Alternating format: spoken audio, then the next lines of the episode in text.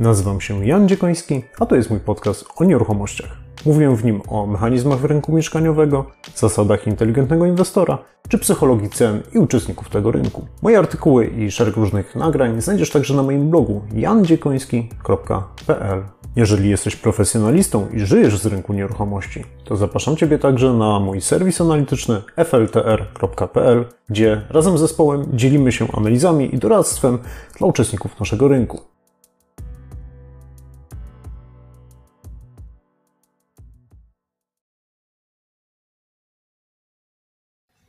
Cześć, witajcie serdecznie na kanale Jan Dziekoński o nieruchomościach. Witam Was szczególnie gorąco w tym szczególnie gorącym tygodniu, e, ponieważ od trzech miesięcy praktycznie niczego nie opublikowałem. Niestety kilka przykrych, ale też kilka bardzo przyjemnych e, spraw osobistych niestety nie pozwalało mi na to. E, natomiast wróciłem już do pisania na blogu i już znajdziecie tam co najmniej dwa nowe artykuły. Natomiast ten film to jest pierwszy film po dłuższej przerwie, Dzisiaj w bardzo gorącym znowu temacie stóp procentowych, e, poziomu WIBOR, kredytów, zdolności kredytowych, te wszystkie rzeczy, które wielu z Was mogą interesować, ponieważ albo macie kredyt hipoteczny i zastanawiacie się, co będzie dalej, lub też e, planujecie może zakup jakiejś nieruchomości i chcielibyście się finansować kredytem. E, dzisiaj specjalny odcinek właśnie dla Was. Zanim zaczniemy, Poproszę Was serdecznie o subskrypcję, jeżeli, ten, y, jeżeli chcecie wspierać ten y, kanał i tego typu filmy, dajcie łapkę w górę, zasubskrybujcie mój kanał, to pomoże też e, po prostu w, jakby rozwijaniu e, mojej działalności oraz po prostu szerzeniu wiedzy. Przejdźmy, słuchajcie, do prezentacji. Mam nadzieję, że otwierając ostatni harmonogram kredytowy nie wyglądaliście jak ta para.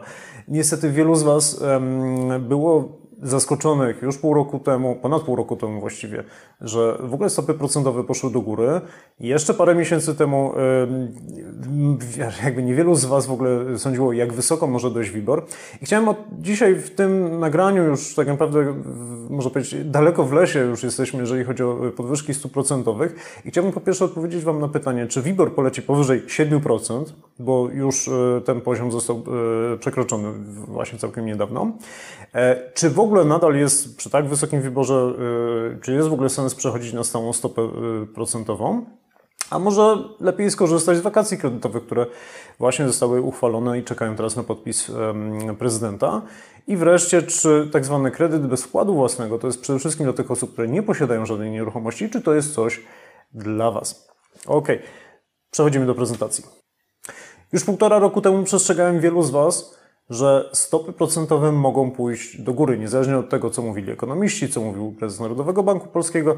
No były, że tak powiem, kto był, że tak powiem, sceptyczny i taki, powiedziałbym, bardziej realistyczny, przeczuwał, że coś w tym względzie może się e, zmienić. Ja już ostrzegałem od stycznia 2021 roku. No i faktycznie w październiku wielu z Was zostało zaskoczonych, że w ogóle już mieliśmy pierwszą podwyżkę stóp procentowych. Wtedy nakręciłem y, jeden z y, moich filmów właśnie poświęconych temu, co czeka nas dalej, jak bardzo wzrosną te stopy procentowe, jak niestety to wpłynie na rynek nieruchomości oraz na e, zdolność kredytową.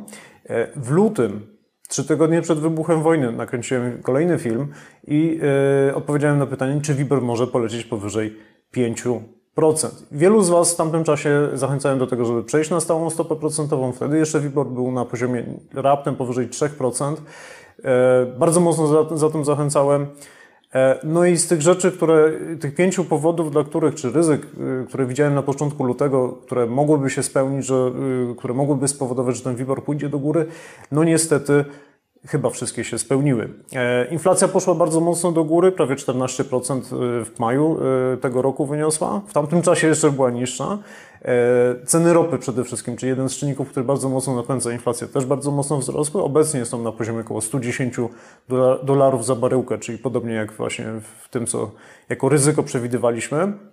Amerykański bank centralny bardzo mocno zaczął podnosić stopy procentowe, najmocniej od ponad 25 e, lat w ostatniej podwyżce. I do walki z inflacją włączyły się też inne banki centralne. Europejski Bank Centralny będzie podnosił stopy procentowe począwszy od lipca.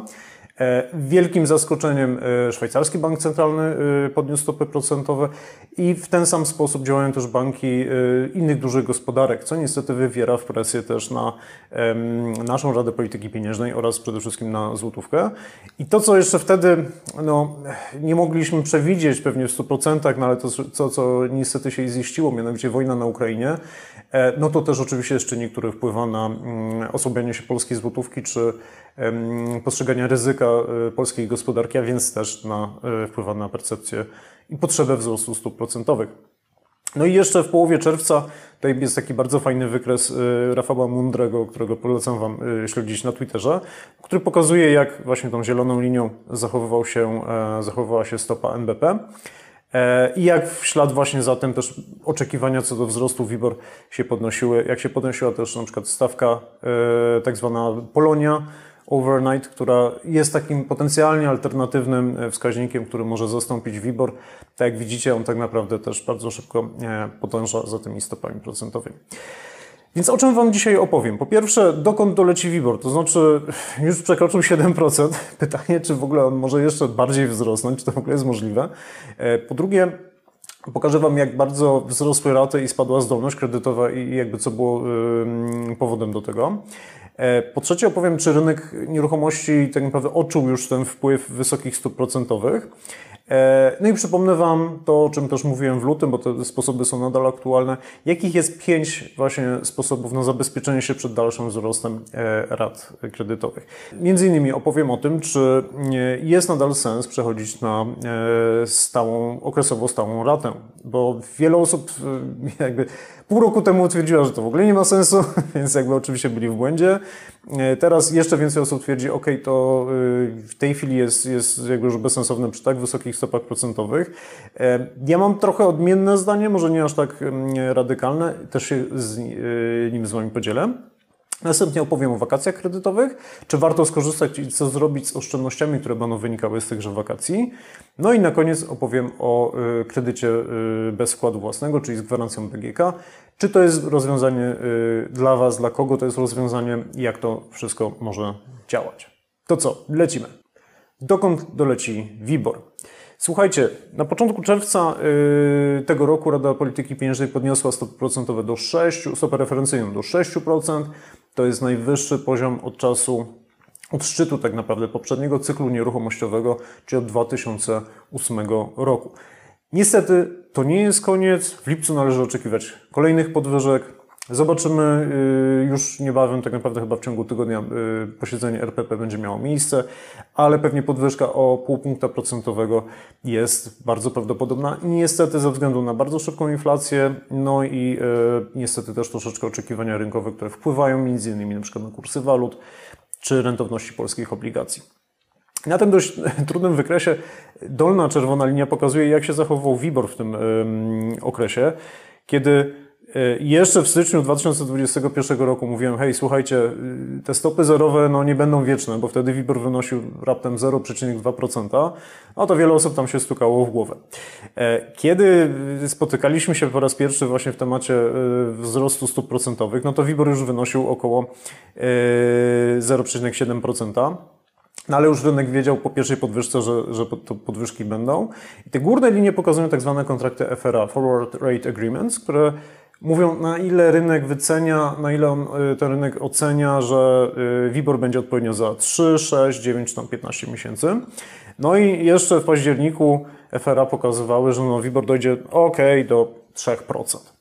E, jak się spotykaliśmy ponownie na początku lutego, no to WIBOR już przekraczał 3%. No i te oczekiwania co do FRA wynosiły y, co do dalszego, dalszego roku, że WIBOR osiągnie około 5%. Ja mówiłem, ok, jest kilka powodów, dla których niestety może być więcej. No i niestety ten, który najbardziej był dotkliwy z tego wszystkiego, czyli e, wybuch wojny w e, Rosji, e, no, jakby inwazji Rosji na, na Ukrainę i agresji całej tego kraju, no spowodował, że niestety te wszystkie jakby założenia poszły jeszcze bardziej do góry. Dzisiaj mamy WIBOR na poziomie 7%, to dotyczy, ponad 7 właściwie. To dotyczy zarówno WIBORu 3, jak i 6-miesięcznego. No i te stawki terminowe pokazują, że w ciągu najbliższych miesięcy pewnie dojdziemy do około 8% wyboru, czyli typowy, przy typowej marży 2% to będzie oznaczało, że łączny koszt kredytu wyniesie około 10%. Niestety to jest zabójcza ilość, znaczy zabójczy poziom. Myślę, że y, w najczarniejszych snach nawet nie, y, nikt o tym nie myślał. Jest natomiast jedna, jedna powiedzmy nutka, hmm, może nie tyle optymizmu, co, co jakiejś tam lekkiej nadziei, mianowicie te kontrakty, które mówią, co będzie najdalej, czyli za 15 lat, pokazują praktycznie już od tego, że mm, e, to jest ta zielona linia, e, że za jakiś rok albo może trochę więcej ten WIBOR może spaść. To oznacza tyle, tyle, że powiedzmy jest takie przewidywanie, że e, ta inflacja w następnym roku powoli zacznie się uspokajać bo jakby te wszystkie szoki y, paliwowo-energetyczne na przykład y, już zostaną ograniczone i konflikt też się ograniczy. Może spowolnią też gospodarki na świecie i faktycznie nadejdzie moment, żeby te stopy procentowe powoli obniżać. No ale z tego co widzicie, to jest takie założenie, że ten spadek nastąpi gdzieś do 7%. Oczywiście może być mniej, jeżeli się ziści kilka jakby scenariuszy. Zobaczmy teraz, o jakie scenariusze właśnie mm, może chodzić. E, bo tak jak pokazywaliśmy, obecnie y, jakby ta pod, ostatnia podwyżka stóp procentowych, ona doszła praktycznie do poziomu y, teraz 6%, 6%. No to jest taki poziom, jaki mieliśmy y, w 2008 roku i przejściowo też w 2004 roku. No to praktycznie były takie, takie dwie górki. No i widać też po tej niestety stromej, krzywej nachylenia jakby tych podwyżek, że pewnie one się jeszcze nie skończyły, więc pewnie wrócimy gdzieś tak do poziomu nawet z początku tego tysiąclecia. Niestety tak muszę powiedzieć. No ale pytanie, ok, do czego możemy się spodziewać w perspektywie najbliższych trzech lat? No bo to, jak zaciągacie kredyt i zwłaszcza zastanawiacie się nad tym, czy wziąć, przejść na przykład na e, stałą stopę procentową, czy okresowo właściwie stałą stopę procentową, bo ona z reguły wynosi od 5 do 7 albo nawet w niektórych bankach 10 lat, no to pytanie jest takie, ok, no to ile ten WIBOR może w najbliższych latach wynosić? No i niestety Niestety, niestety, no muszę yy, powiedzieć, że najprawdopodobniej to, co widać jakby na, w prognozach różnych ekonomistów i banków, które oczywiście potrafią się mylić, nie każdy bank, nie każdy ekonomista przewidział w ogóle, że tak wysoki wybór będziemy mieli. No ale ja troszeczkę się skłaniam ku, ku podobnej tezie, że prawdopodobnie przez najbliższe 2-3 y, lata ten wybór będzie się kręcił gdzieś na poziomie od 6 do 9%. To jest tak, taki bardzo prawdopodobny przedział. Czyli może będzie o 1 punkt procentowy niższy niż obecnie, może być o 1 punkt albo 2 punkty procentowe wyższy niż y, w tej chwili, czyli od tego 7%, no ale gdzieś tam się poruszamy jakby w tym e, przedziale. Oczywiście i niestety to, to nie jest tak, że to, co jest prawdopodobne, to jest jedyny scenariusz. Niestety mamy taki scenariusz tak zwany antyinflacyjny, ja go tak nazwałem, który dopuszcza to, że WIBOR mógłby być nawet wyżej, 9, 10, 11, 12%.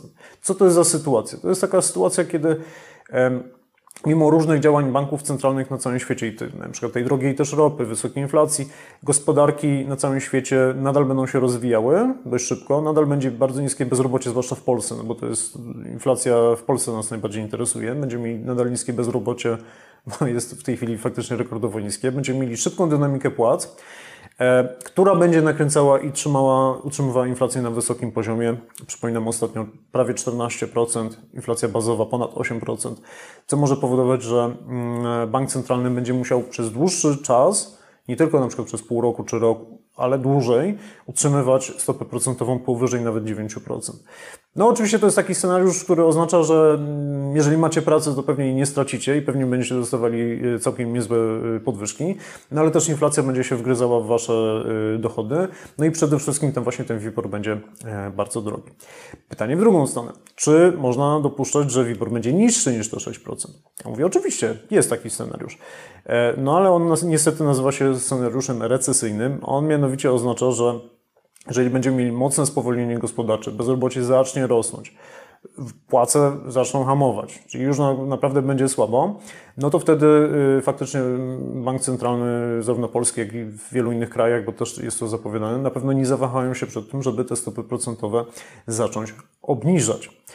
E, niemniej, no to co, co, co taki scenariusz oznacza? Po pierwsze, oznacza to, że mm, e, po prostu jest ryzyko, że wy też stracicie pracę. Co z tego, że spadnie wam koszt kredytu, jak w ogóle nie będziecie mieli dochodów. E, po drugie, w ogóle w gospodarce będzie znacznie gorzej, więc jakby ten cały optymizm, właśnie dzisiaj trudno mówić nawet o optymizmie, ale no, pesymizm będzie naprawdę ogromny. No i wprawdzie inflacja zapewne ona wyhamuje, no bo z tym to się też recesja wiąże się ze spadkiem inflacji. No ale nadal może być tak, że na przykład wysokie ceny energii pozostaną, ponieważ ta wojna na Ukrainie, w Ukrainie będzie, będzie się dalej toczyła. Czyli w ogóle będziemy mieli taki scenariusz tak zwanej stagflacji. Więc jakby ten scenariusz recesyjny tego spadku WIBOR, to szczerze ja bym, ja bym o, o, niego się za bardzo nie modlił, bo on, on będzie niestety, tak jak tutaj czerwonym kolorem pokazałem, on za fajny nie będzie. E, prawdopodobnie no, musimy się pogodzić z tym, że ten WIPOR będzie na poziomie od 6 do 9%, ale jest też ryzyko, że będzie e, wyższy. E, no i cóż to może do tego doprowadzić, o tym już trochę mówiłem. Dalsza spirala płacowo-inflacyjna. Nadal musimy pamiętać, że inflacja jest znacznie powyżej właśnie stóp procentowych, więc nadal ta inflacja może się rozkręcać.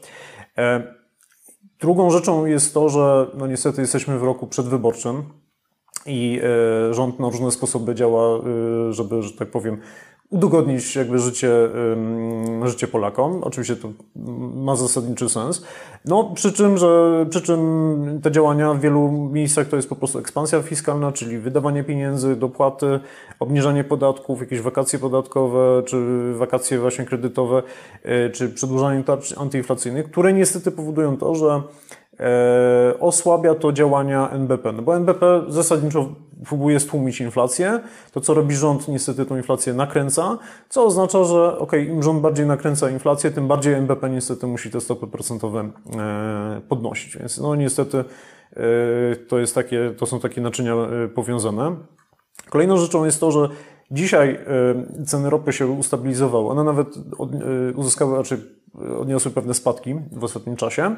Ceny żywności też nieznacznie spadły z tych szczytów y, tuż po wybuchu wojny, ale y, wiele, wielu analityków też wskazuje na drugą połowę roku, gdzie może się ziścić ryzyko mm, kolejnego jakby takiego szoku cenowego na rynku energii i żywności, który jest związany zarówno z cykli, cyklicznością i sezonowością tego rynku, jak i na przykład tym, że w tej chwili y, rynki commodities, one są troszeczkę jakby mniej spenetrowane popytem, ponieważ na przykład w Chinach w wielu miastach ciągle są lockdowny albo y, te lockdowny są dopiero znoszone. Więc jakby ten popyt światowy, on nie jest też jakby na, na pełnych obrotach i on może skoczyć, to może znowu te mm, ceny ropy i żywności podkręcić.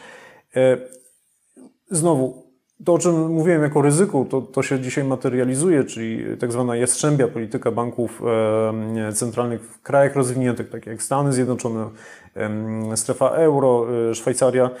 Jeżeli ta polityka będzie utrzymywana na, na takim jastrzębim, czyli szybkich, szybkich podwyżek stóp procentowych w tych krajach, jeżeli to się będzie miało miejsce, no to niestety ta presja na wzrost WIBOR-u oraz stóp procentowych w Polsce będzie wysoka. No i wreszcie ta wojna, która wcześniej y, tylko gdybaliśmy, czy coś tam się może dziać w ogóle, no to wiemy, że teraz mamy pełnoskalową wojnę w Donbasie w tej chwili.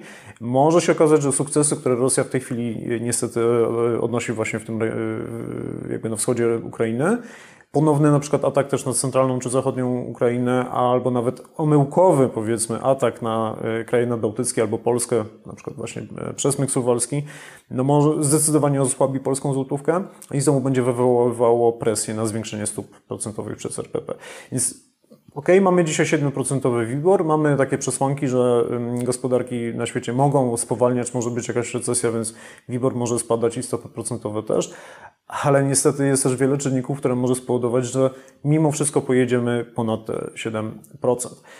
Natomiast o ile w lutym no jakby dla mnie to było, to był tak zwany no-brainer. Dla mnie to było oczywiste, że 5% wyboru bardzo szybko osiągniemy i pewnie przebijemy te 5%.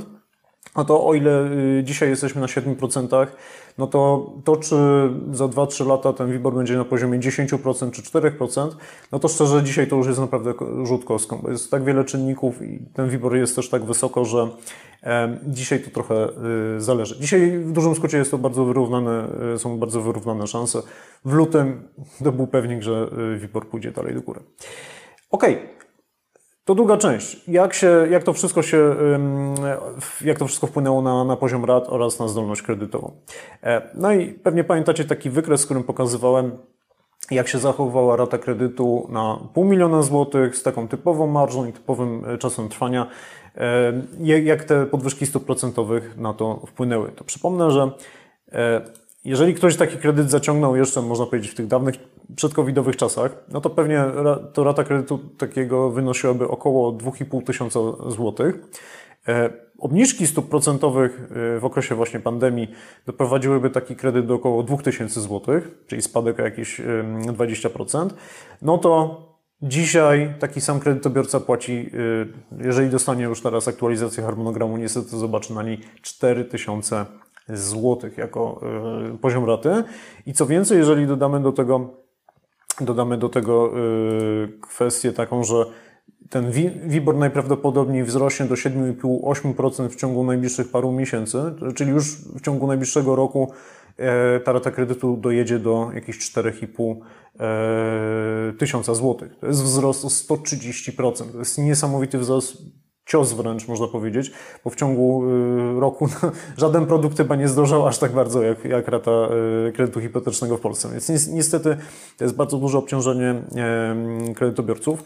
Co więcej, to co jest niestety smutne, tak, tak to funkcjonuje w kredycie hipotecznym z tak zwaną e, stałą ratą, jest to, że e, im wyższe jest y, jakby oprocentowanie takiego kredytu, tym, tym wyższy niestety jest udział odsetek, zwłaszcza w tych pierwszych ratach. No więc tutaj na tym, na tym wykresie zobaczycie, z czego się składałby taki, y, taka rata kredytu przy pierwszej racie w harmonogramie, harmonogramie spłaty, czyli Pierwszy, pierwsza rata, którą byście zapłacili w kredycie, świeżo wzięliście kredyt, no to w styczniu 2020 roku na te 2,5 tysiąca złotych mniej więcej 3 e, czwarte to byłby, byłyby odsetki, 1 czwarta to byłby mm, kapitał, spłata kapitału. W trakcie pandemii, czyli właśnie tych praktycznie zerowych stóp procentowych, to byłoby pół na pół, czyli w każdej już od pierwszej raty spłacacie, y, połowa tej raty idzie na spłatę kapitału, więc super, bo od razu redukujecie przyszłe zadłużenie. No to tyle dzisiaj w tych 4000 złotych 90%, słuchajcie, 90% to byłyby same odsetki, czyli sam koszt, który idzie w komin. Czyli przez wiele pierwszych niestety mm, e, lat przede wszystkim spłacalibyście odsetki, zaraz zobaczycie jak to się w ogóle sumarycznie e, składa. No i pewnie przy tych ratach 4,5 tysiąca złotych, no to udział tych odsetek jeszcze niestety wzrośnie. Jak, to, jak to wpływa, jak te wysokie odsetki wpływają na łączny koszt y, w okresie trwania kredytu? No i niestety to jest zatrważające, ponieważ e, o ile jeszcze w ogóle przed pandemią w okresie tych 30 lat kredytu zapłacilibyśmy łącznie odsetek na półmilionowym kredycie jakieś 350 tysięcy złotych, czyli to jest 70% no można powiedzieć, ok, no y, to jest jakiś koszt, no ale wiadomo, kupujemy mieszkanie na kredyt, no to coś musimy zapłacić, no więc za mieszkanie 500 tysięcy, no dopłacamy jeszcze 350 tysięcy e, odsetek. W okresie zerowych stóp procentowych w ogóle te łączne odsetki spadłyby do 200 tysięcy, czyli wow, 40% raptem yy, wartości mieszkania w okresie kredytu. Dzisiaj, w czerwcu, gdybyśmy zaciągnęli kredyt, to odsetek w okresie 30 lat, zakładając oczywiście ten, ten stały WIBOR, zapłacilibyśmy prawie milion złotych. Czyli kupujemy coś za pół miliona i jeszcze y, dopłacamy do tego milion złotych w odsetkach, żeby w ogóle posiadać takie mieszkanie. Jakby dla mnie to w ogóle brzmi jakby to byłoby kompletnie bez sensu, żeby taką nieruchomość posiadać e, i płacić takie ogromne odsetki. No i niestety faktycznie ten, ten poziom 7-8% będzie powodował, że tych odsetek będzie strasznie, strasznie dużo. Czyli w dużym skrócie posiadanie mieszkania na kredyt będzie bardzo nieopłacalne. Ok, to tyle, jeżeli chodzi o raty.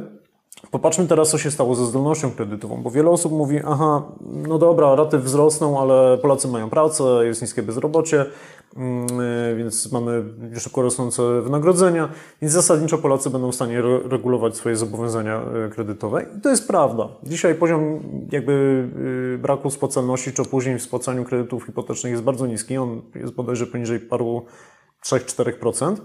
E, ale nie o to chodzi jakby na rynku nieruchomości, jeżeli chodzi o to, co wpływa na ceny, to na ceny przede wszystkim wpływa zdolność kredytowa, bo największe znaczenie ma to, ile taki przeciętny konsument czy, czy inwestor, ile, mo, za jaki, ile może wydać jakby na, mm, na zakup nieruchomości z, z wykorzystaniem kredytu. No i niestety ta zdolność kredytowa dostała kilka silnych ciosów i niestety po prostu leży na deskach, można powiedzieć. E, też podobny wykres, który był ostatnio, E, pokazuje, ile, e, ile powiedzmy osoba, która w styczniu 2020 roku, czyli jeszcze przed pandemią, e, gdyby ona wtedy miała zdolność kredytową na poziomie pół miliona złotych, czyli taka pewnie typowa nieruchomość dla, dla pary z dzieckiem albo bez dziecka.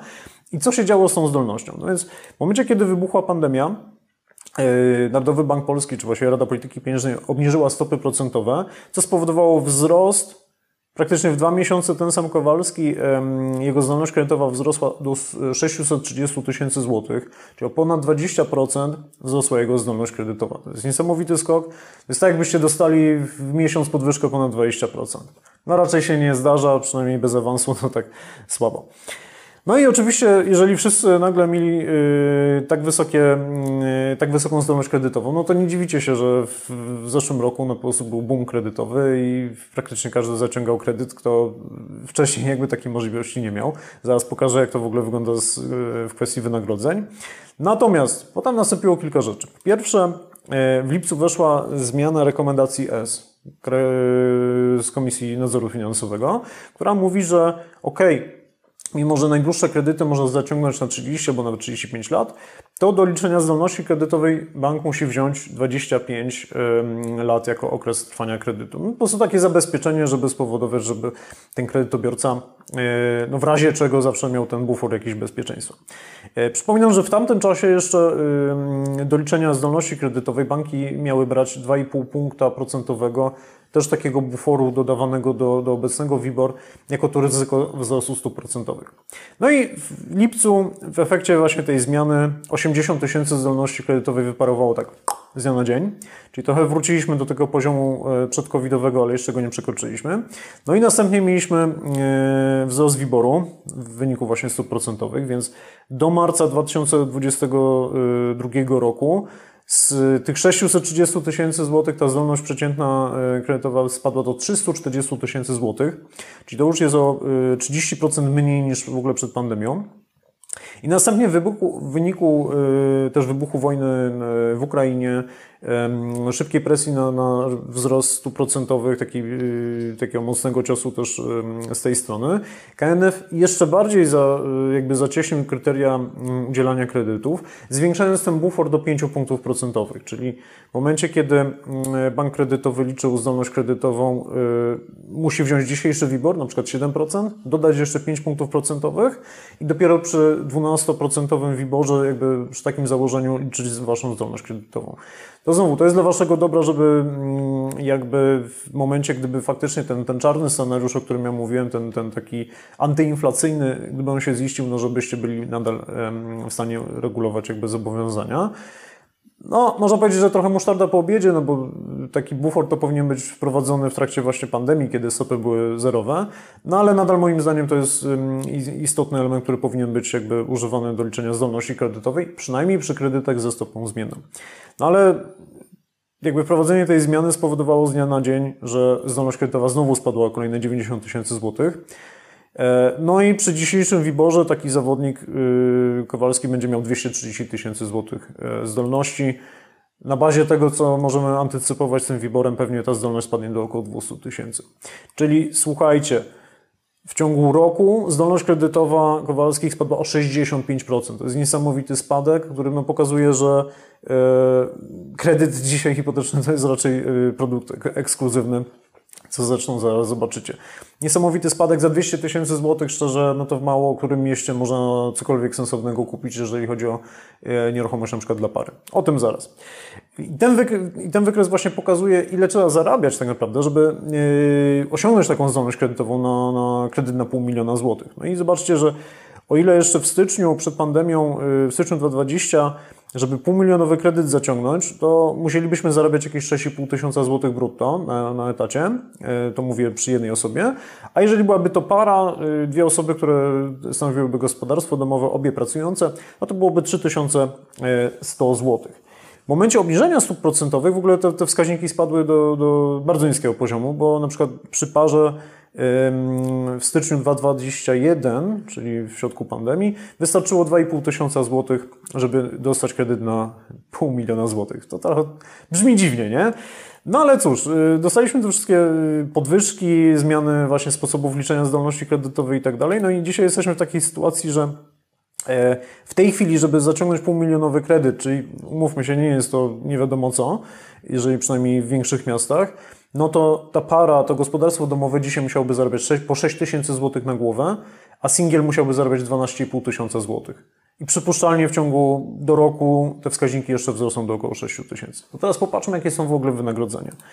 Słuchajcie, minimalna płaca y, w Polsce w tym roku to jest 3000 zł, w zeszłym roku to było mm, lekko poniżej 3000 zł, co pokazuje, że te zerowe stopy procentowe spowodowały, że nawet osoby z minimalnym wynagrodzeniem mogły zaciągnąć półmilionowy kredyt.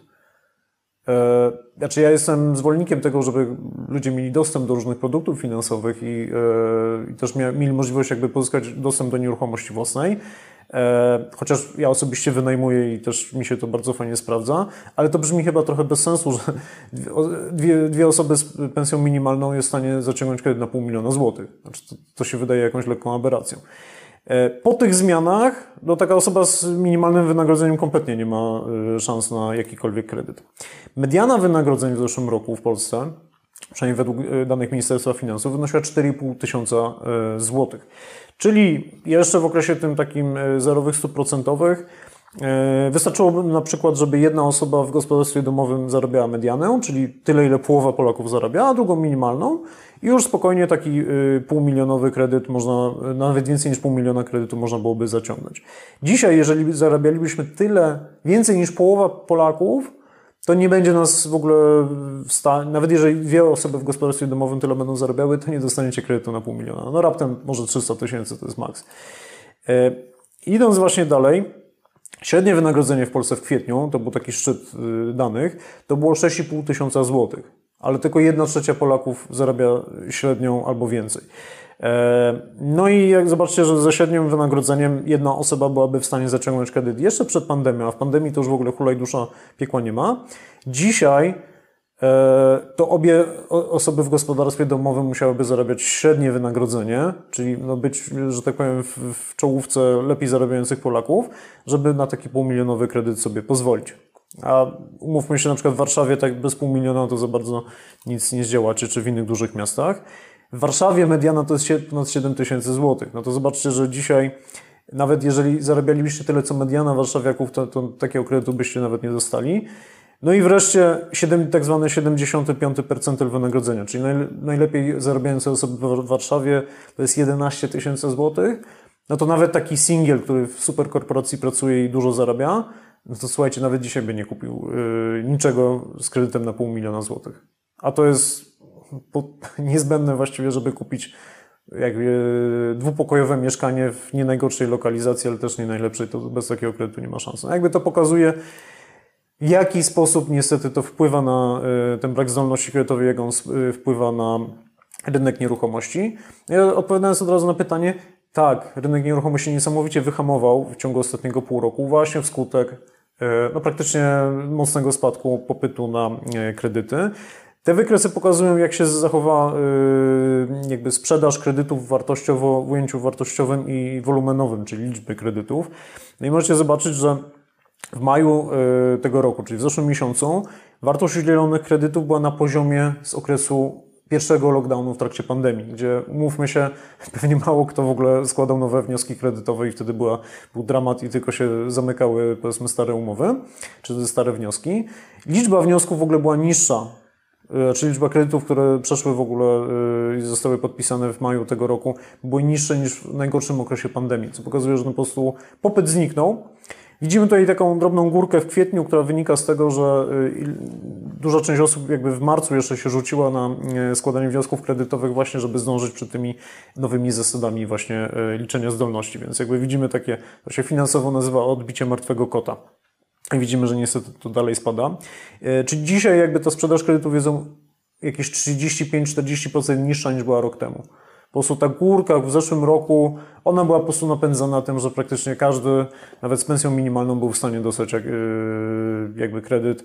Więc jakby, no, rozumiecie trochę aberrację tamtej sytuacji, jakby surrealizm, jakby tego, co się działo na rynku nieruchomości. No więc oczywiście on rozgrzał ceny, popyt i tak dalej. No dzisiaj ten, ten popyt leci na łeb na szyję, ale o nim więcej w artykule, który znajdziecie też, będzie podlinkowany do tego, do tego nagrania, yy, który znajdziecie też na moim blogu o cenach właśnie w ostatnim i tym, co się dzieje na rynku nieruchomości, więc tam będzie więcej szczegółów na ten temat. I widać to samo też w liczbie y, wniosków składanych na, y, na, na kredyty. Tych wniosków jakby w maju y, tego roku było o, jeżeli dobrze widzę, 50% mniej niż rok wcześniej. No jakby to pokazuje, że po prostu ten popyt cały zniknął. No okej, okay, no teraz pytanie kredytobiorcy. Ok, mam kredyt, ze stopą zmienną, co więcej, czyli za chwilę zobaczę w moim harmonogramie na przykład właśnie te podwyżki stóp procentowych i boję się na przykład kolejnych podwyżek. Teraz pytanie, co ja mogę zrobić, żeby się zabezpieczyć przed tym wzrostem e, rat kredytu. W szczegółach tych pięć, mm, pięć pomysłów czy pięć sposobów omówiłem e, na poprzednim nagraniu, więc zapraszam Was też do obejrzenia tamtego nagrania. Nie przedłużając, wymienię tylko te sposoby. Zachęcam Was do obejrzenia nagrania z lutego, gdzie dokładnie opisywałem co i jak. Pierwszym sposobem nadal jest przejście na okresowo stałą ratę kredytu. Opowiem zaraz w szczegółach, e, czy to dzisiaj w ogóle ma sens. Natomiast jest, jest to jeden ze sposobów, żeby przynajmniej zablokować dalszy wzrost rat kredytu.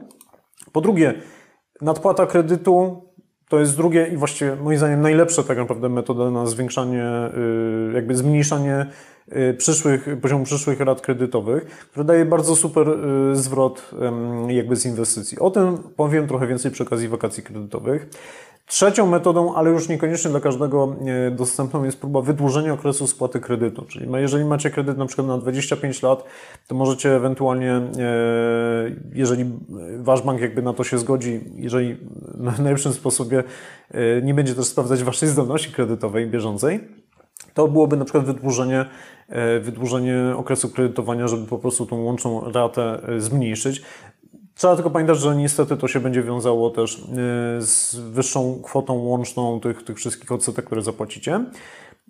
Kolejną metodą, która dzisiaj szczególnie może być ciekawa, ciekawsza ze względu na to, że e, warunki na rynku kredytowym się zmieniły. Widzieliście, że popyt na kredyty spadł, więc banki są też znacznie bardziej jakby zainteresowane walką tego klienta e, i zaczęły między innymi obniżać marże kredytowe.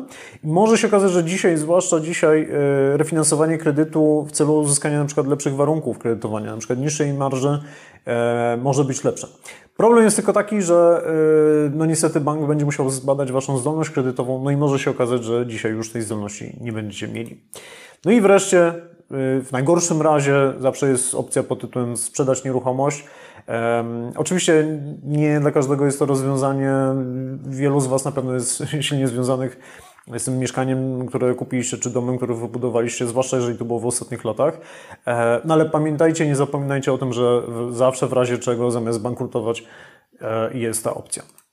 No okej, okay, to teraz pytanie, czy w ogóle jest sens jeszcze przechodzić na e, stałe raty?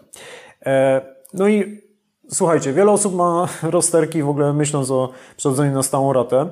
E, no bo ten bank przecież chce mnie oszukać, bo dzisiaj mam oprocentowanie w moim harmonogramie na przykład 6%, jeszcze w lutym to było 3%, a bank mi proponuje 9%, no w lutym to było 6%. E, tutaj jest jedna uwaga, ja to też w szczegółach tłumaczyłem w poprzednim e, nagraniu. Ok, nie patrzcie na swój harmonogram, który jest lusterkiem wstecz, tylko popatrzcie na bieżący WIBOR i porównajcie y, to, co proponuje bank jakby z bieżącym WIBORem.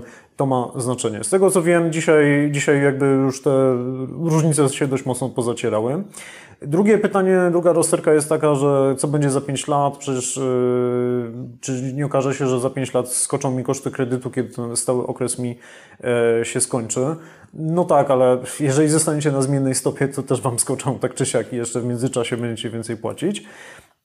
E, może lepiej zostać w ogóle na zmiennej stopie, bo może ten WIBOR spadnie e, i jak, jak będę na stałej stopie, no to będzie mnie bolało, że nie zyskałem, nie zarobiłem, bo, bo moja rata nie spadła, więc płacę więcej. Okej, okay, to są też pewne rozterki.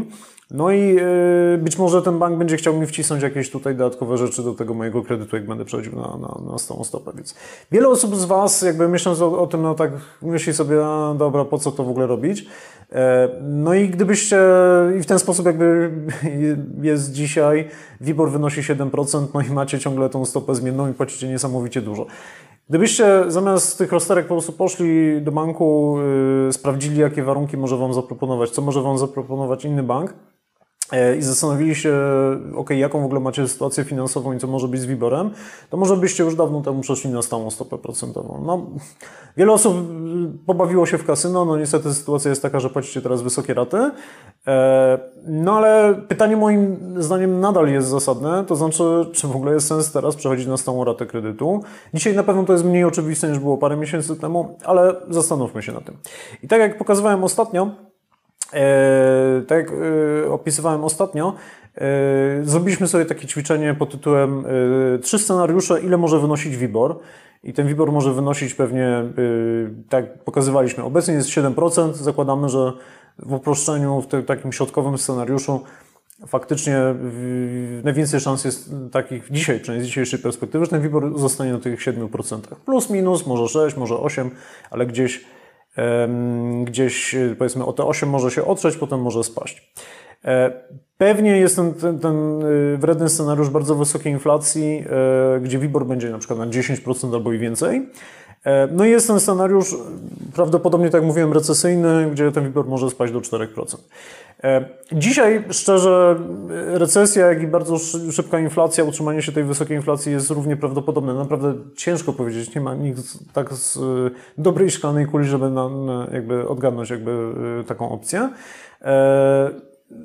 Pół roku temu dla mnie to było oczywiste, że ten WIBOR będzie rósł. Ja dostawałem komentarze, że w ogóle, w ogóle co ja opowiadam, bo on równie dobrze może spadać. E, tamte osoby, które pisały mi te komentarze, to jednak się niestety myliły. Niestety też dla osób, które zostały na zmiennej stopie. Ale zróbmy takie ćwiczenie dzisiaj. Dzisiaj moim zdaniem te, ten, te ryzyko jest dość jednak już symetrycznie rozłożone, czyli równie dobrze ten WIBOR może spaść, jak i, jak i wzrosnąć. No i znowu mamy dwie opcje, to znaczy możemy zostać na tej naszej zmiennej stopie, czy ten nowy kredyt, jaki będziemy zaciągać, możemy zaciągnąć na zmiennej stopie i pewnie dostaniemy marżę około tych 2%, no może trochę mniej w tej chwili, e, ale dla uproszczenia przyjmijmy 2 punkty procentowe, albo przejść na stałą stopę. Przypuszczalnie przy 7% WIBORze dzisiaj byście dostali 7% plus marża, czyli ta stała stopa wyniesie około 9 plus minus procent. No i okej, okay. jaki byłby wynik w zależności od tego, którą opcją pójdziecie i co się zrealizuje? Jeżeli faktycznie będzie to status quo, nic się nie zmieni, to czy będziecie na stałej stopie, czy na zmiennej, mniej więcej tyle samo będziecie płacić e, rat, będziecie mniej więcej na tym samym poziomie. Tylko przy przejściu na stałą stopę będziecie mieli pewność. E, gdyby oczywiście inflacja bardzo mocno szalała i jednak Narodowy Bank Polski y, mocniej podnosił stopy procentowe, no oczywiście jest to mało prawdopodobny scenariusz, ale jest możliwy, no to przy, gdybyście zostali na tej y, stopie zmiennej, no to będziecie płacić 12% y, odsetek.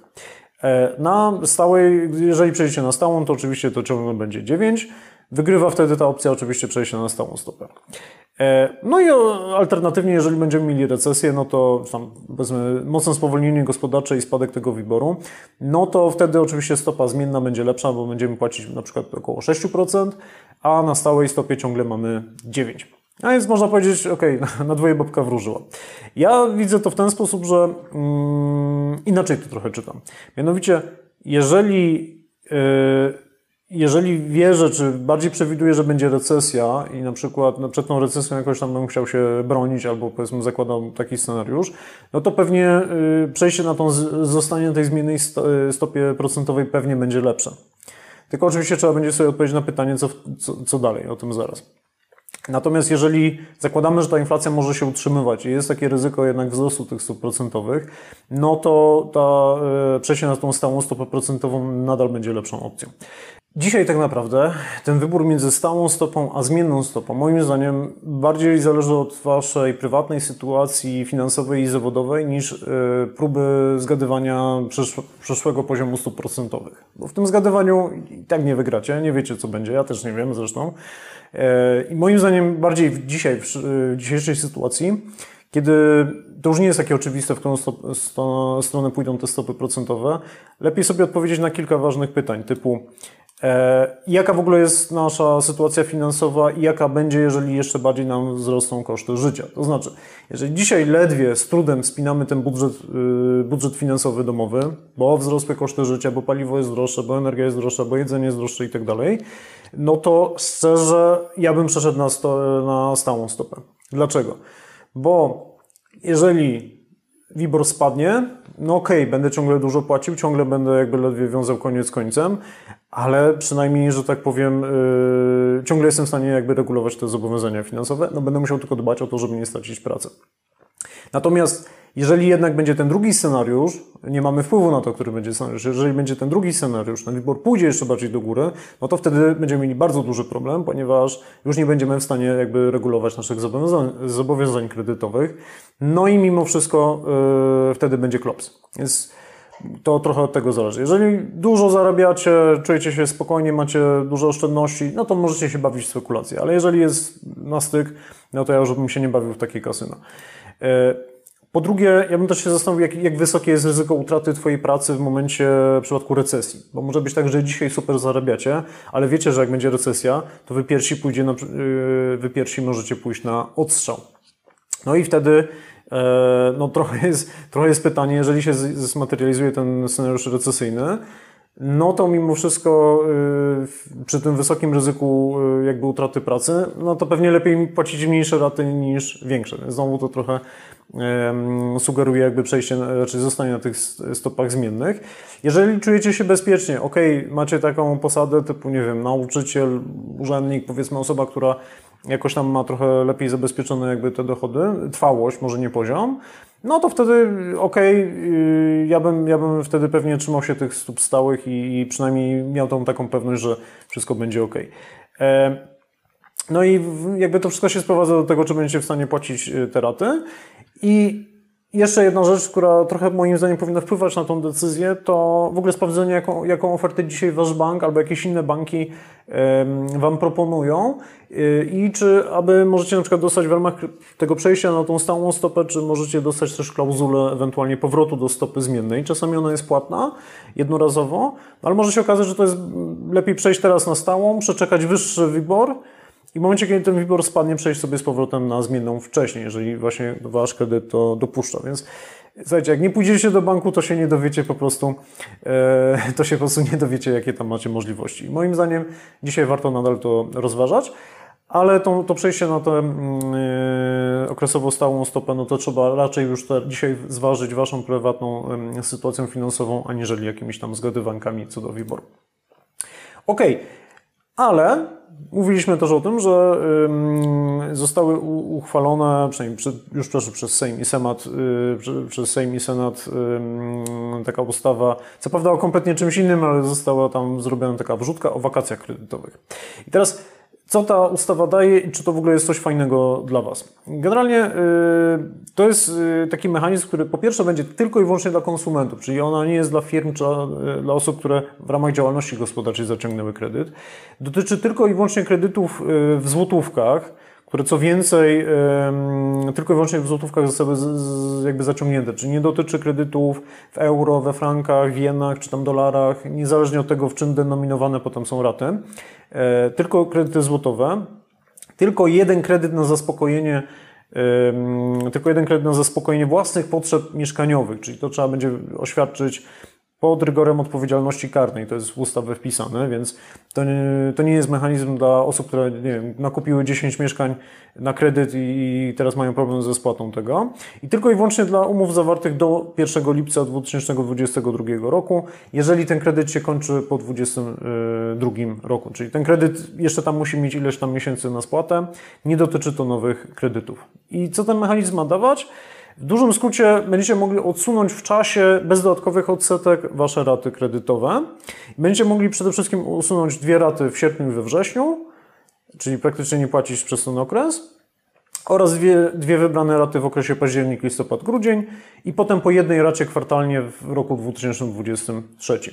Oczywiście to nie powoduje, to jakby skutek nie jest taki, że nie zapłacicie nigdy tej, raty odsetka, tej raty jakby spłaty. Ona po prostu jest przedłużona w czasie, wasz kredyt jakby ulega przedłużeniu, ale faktycznie nie płacicie odsetek za, za utrzymywanie kapitału, jakby pożyczenie kapitału w tym okresie e, od banku. Więc jakby to, to są jakby takie zalety i korzyści jakby mm, tych wakacji kredytowych. W dużym skrócie one powodują, że przykładowo, jeżeli mielibyście ten, ten kredyt półmilionowy yy, i w lipcu płacilibyście na przykład przed podwyżką stóp procentowych te, te niecałe 2000 zł, no to dzisiaj w czerwcu po aktualizacji harmonogramu zapłacilibyście yy, około 4000 zł raty po podwyżkach. E, wakacje kredytowe dają to, że jakby unikacie tych ile, ileś tam tych rat, więc w tym okresie korzystania z rat kredytowych mniej więcej wasza taka średnia rata spadłaby do 2,7%, czyli jest to spadek o 30%. Jest to wprawdzie więcej niż 40% więcej niż e, tyle, ile to było jakby rok temu, no ale zawsze jest to jakiś tam oddech paru tysięcy złotych do budżetu, do budżetu domowego. I jakby ustawodawca, jakby politycy myśleli o tym, żeby wprowadzić te wakacje kredytowe. No niestety kosztem akcjonariuszy banków tak naprawdę, no bo to my, ja też jestem akcjonariuszem kilku banków, to my po prostu nie dostaniemy y, zysków z tych odsetek. Okej, okay, trudno. E, no ale to przede wszystkim właśnie ma, ma sprzyjać temu, żeby system finansowy był też bezpieczny, żeby y, nie było upadłości konsumenckich związanych właśnie z tymi rosnącymi ratami, więc, więc y, to jest ok. Pytanie natomiast, co tak naprawdę zrobicie z tymi oszczędnościami właśnie z tych wakacji kredytowych? No i tutaj y, pojawiają się, że tak powiem, różne, różne scenariusze. Możecie nadpłacić kapitał kredytu, to znaczy uniknęliście raty na przykład w wysokości 3 czy 4 tysięcy złotych, jeżeli to był nowy kredyt, to byłyby przede wszystkim odsetki. No i bierzecie po prostu te pieniądze i nadpłacacie kredyt, obniżacie kapitał dokładnie o tą kwotę, dzięki czemu trwale obniżacie ratę, no bo już nie będziecie płacić odsetek właśnie od, yy, od, od kredytu i będziecie co miesiąc jakby, można powiedzieć, też zarabiać, no bo yy, powiedzmy to, czego nie zapłaciliście w racie, możecie sobie, nie wiem, odkładać potem znowu na, na jakąś tam lokatę, to też będzie się jakby się tam zbierało w czasie i yy, będzie sobie procentowało. Możecie też odłożyć na czarną godzinę, czyli no niekoniecznie nadpłacamy kapitał, ale zostawiamy sobie na przykład na jakieś lokacie czy obligacjach, no i na wszelki wypadek trzymamy na wypadek na przykład, nie wiem, utraty pracy czy do jakichś dalszych wzrostu rat, no to po prostu trzymacie to w odwodzie. No i w najgorszym razie możecie to wydać na konsumpcję. E, pół biedy, jeżeli to wynika z tego, że po prostu tak mocno wzrosły Wam koszty życia, że Wy musicie związać koniec końcem właśnie e, jakby tymi pieniędzmi jakby z tej raty, no to rozumiem, chociaż to i tak świadczy, że ta sytuacja już jest kiepska u Was finansowa e, i to już chyba trzeba innych metod się jakby zacząć chwytać, e, ale gorzej, jeżeli wydacie to po prostu na, nie, na jakieś wakacje, kupno roweru, tam czegokolwiek innego, co tak naprawdę po pierwsze straci na wartości od razu, albo w ogóle pojedziecie na te wakacje, wrócicie, jedyne co zostanie to są zdjęcia. Rower to jeszcze tam pół biedy, ale on i tak straci na wartości po jakimś czasie. E, I jakby nie wiem szczerze, jak duże, jak duże są proporcje jakby osób, które się zdecydują na różne kroki, ale zrobiłem ankietę na Twitterze. Odpowiedziało ponad 200 osób, ale wykluczyłem te osoby, które e, nie planowały korzystać z wakacji kredytowych i okazało się, że faktycznie dwie trzecie z Was planuje nadpłacić kredyt, więc gratuluję Wam, super decyzja, też bym osobiście tak zrobił. 12% z Was planuje odłożyć te pieniądze na, na, e, na czarną godzinę, ale aż jedna piąta planuje wydać na, na konsumpcję. Jeżeli to jest kiepska sytuacja finansowa, rozumiem, ale też musicie o to mimo wszystko zadbać. Ale jeżeli planujecie to wydać na jakieś wakajki, słyszałem ostatnio nawet o jakimś filmie na YouTubie, gdzie ktoś opowiadał, że lepiej wydać na konsumpcję, bo jest tak wysoka inflacja, że to, co kupicie, będzie droższe za, za rok o 10%. No bomba, super. Ale jeżeli napłacicie kapitał, to będziecie do końca tego kredytu e, zarabiali na niezapłaconych odsetkach i zresztą podatku, który musielibyście zapłacić, żeby zarobić w ogóle na te pieniądze, więc Wydanie tego na konsumpcję to oznacza tylko tyle, że jesteście analfabetami finansowymi i nie bacie po prostu o swoje finanse i szkoda słów po prostu. Żeby, żeby to udowodnić, e, policzyłem, co by było, jeżeli 5000 zł, które na przykład w wyniku właśnie tych wakacji kredytowych, jeżeli odłożycie i nadpłacicie kredyt, to ile oszczędzicie, w okre... ile, ile jakby oszczędności da Wam to w okresie życia kredytu. Jeżeli Wasz kredyt, jeżeli dopiero zaciągnęliście ten kredyt, jeszcze zostało 30 lat, 30 lat na spłatę, te 5 tysięcy złotych będzie pracowało w tym e, kredycie przez 30 lat. Na samych odsetkach zaoszczędzicie 9,5 tysiąca złotych. A dodatkowo, jeżeli e, te oszczędzone odsetki będziecie e, lokować na, na lokatę, oczywiście trochę mniej oprocentowaną niż ten kredyt, to zarobicie kolejne 19 tysięcy złotych w tym okresie. Czyli zwrot z Waszej inwestycji to będzie 600%, sześciokrotnie więcej dostaniecie z powrotem. Nawet jeżeli Wasz kredyt na przykład zostało tylko 5 lat, to ta nadpłata kredytu da Wam w ciągu okresu tych 5 lat 1,5 tysiąca złotych, to jest około 30% zwrotu. Więc pod każdym względem y, finansowo bardziej się opłaca nadpłacić ten kredyt y, i bardzo Was serdecznie do tego zapraszam i zachęcam. Ok, na koniec kredyty bez wkładu własnego, czyli dla tych osób, które ewentualnie nie mają możliwości w ogóle zaciągnięcia, e, nie miały możliwości zaciągnięcia kredytu wcześniej, rozważają zaciągnięcie kredytu w tej chwili. E, w maju tego roku weszła w życie taka ustawa właśnie o kredytach z gwarancją właśnie Banku Gospodarstwa Krajowego, BGK, które działa w ten sposób, że ma co do założenia, jakby co do zasady założenia ma ułatwiać zakup pierwszej, chociaż nie zawsze, pierwszej nieruchomości przez osoby, które nie mają oszczędności na wkład własny. Bo tak naprawdę yy, dziś od wielu lat jakby jest wymagane co najmniej 10% wkładu własnego od kupującego, jako powiedzmy sposób pokazania, że dana osoba no, finansowo trochę bardziej ogarnia, że tak powiem, no jest w stanie ten y, wkład własny uzbierać. Często oczywiście to było tak, że rodzina się zrzucała, czy, czy rodzice coś tam dorzucali jakby do tego wkładu własnego i faktycznie dla części osób to była jakaś tam bariera w kupnie pierwszego mieszkania. E, I teraz co do zasady, y, żeby w ogóle móc skorzystać z takiego programu, bo BGK jakby gwarantuje ten wkład własny, ale kredyt zaciągacie w normalnych bankach, w tej chwili już bodajże 5 banków y, taki kredyt oferuje.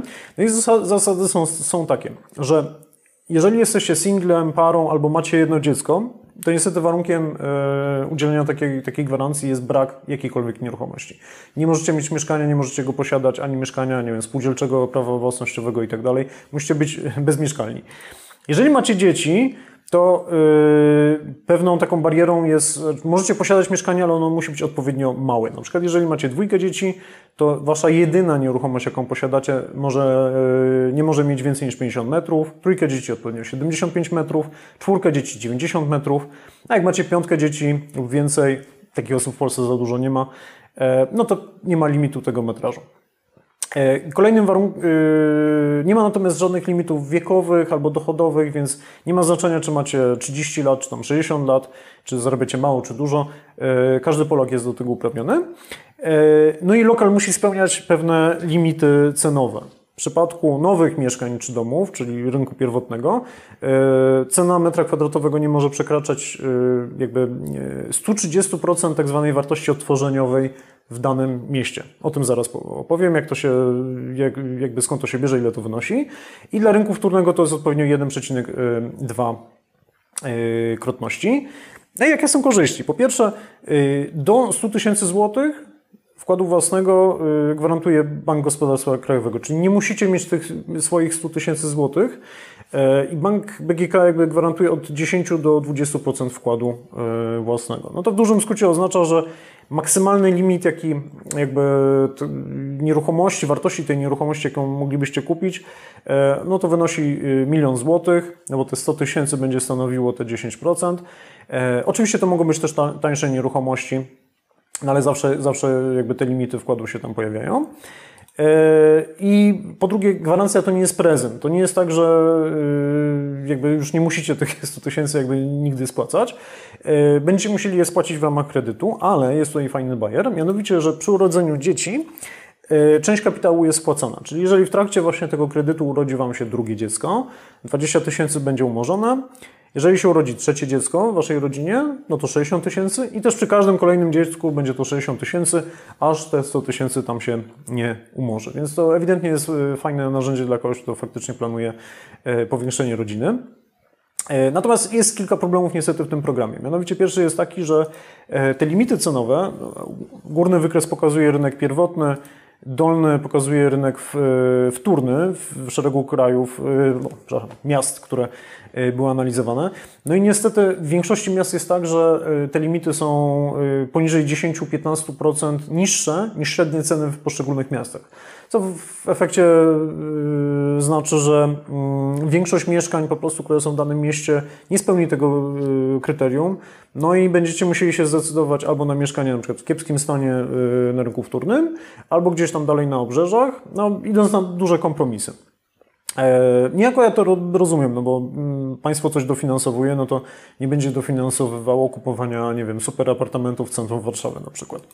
E, no, ale nadal, nadal powiedzmy te limity są takie, że w Warszawie powiedzmy na rynku pierwotnym jest to około 10 tysięcy złotych, to jest mm, e, limit na rynku pierwotnego no to dzisiaj to oznacza tak naprawdę jakiś skraj, skraj Warszawy typu Białęka, Wawer i tak dalej. Na rynku wtórnym jest to 9,2 tysiąca złotych, no to kiepsko, kiepsko. No, w Warszawie się nie zaszaleje za to i w innych miastach pewnie też będzie ciężko przy tych limitach coś znaleźć. I rynek pierwotny yy, i Get Home zrobiły taką analizę właśnie, ile na przykład ofert yy, z rynku pierwotnego w ogóle yy, mieściłoby się w tych y, widełkach. I to jest tak, że y, tylko w niektórych miastach jedna trzecia, czyli mniejszość ofert łapie się w ogóle do programu, natomiast w większości miast to jest raptem 5 do 10%. E, ewentualnie, bo jest rozważane zwiększenie troszeczkę tych widełek, no może ten, ten pułap podskoczy do 20-30% w niektórych miastach, no ale przykładowo w Krakowie no raptem 7% ofert się jakby w to łapie. No więc jakby e, to jest pierwszy problem, że to nie będzie, mm, to nie będzie tak, że dowolne mieszkanie jakby będziecie w stanie za to kupić. Drugi większy problem jest taki, że pamiętacie to, co mówiłem na początku, znaczy w połowie powiedzmy tego nagrania o zdolności kredytowej. Żeby w ogóle mieć zdolność kredytową, bo tutaj w ramach tego programu banki też będą Waszą zdolność kredytową badały, no niestety Wy też będziecie musieli wykazać się zdolnością kredytową, żeby ten kredyt zaciągnąć. No i tutaj pojawia się delikatny problem, bo teraz nie mając żadnego wkładu własnego, musicie mieć zdolność kredytową na pełną ratę, na 100% tej raty. Co oznacza, że tak naprawdę musicie mieć jeszcze większą zdolność kredytową niż ktoś, kto ma y, wkład własny. No i okazuje się, że policzyłem tutaj Wam specjalnie, yy, co by było, gdybyście chcieli kupić 50 metrów kwadratowych mieszkania, czyli takie, no znowu, typowe dwa pokoje dla, dla początkującej rodziny z, powiedzmy, z tym pierwszym dzieckiem. E, no to teraz, żeby yy, w poszczególnych miastach, żeby sobie pozwolić na takie mieszkanie, przy obecnych cenach i tych limitach, no to policzyłem, jaki dochód brutto na głowę w rodzinie ta para bez tego dziecka musiałaby mieć. No i w Warszawie to trzeba byłoby zarabiać 6,5 tysiąca złotych na głowę obie, obie osoby.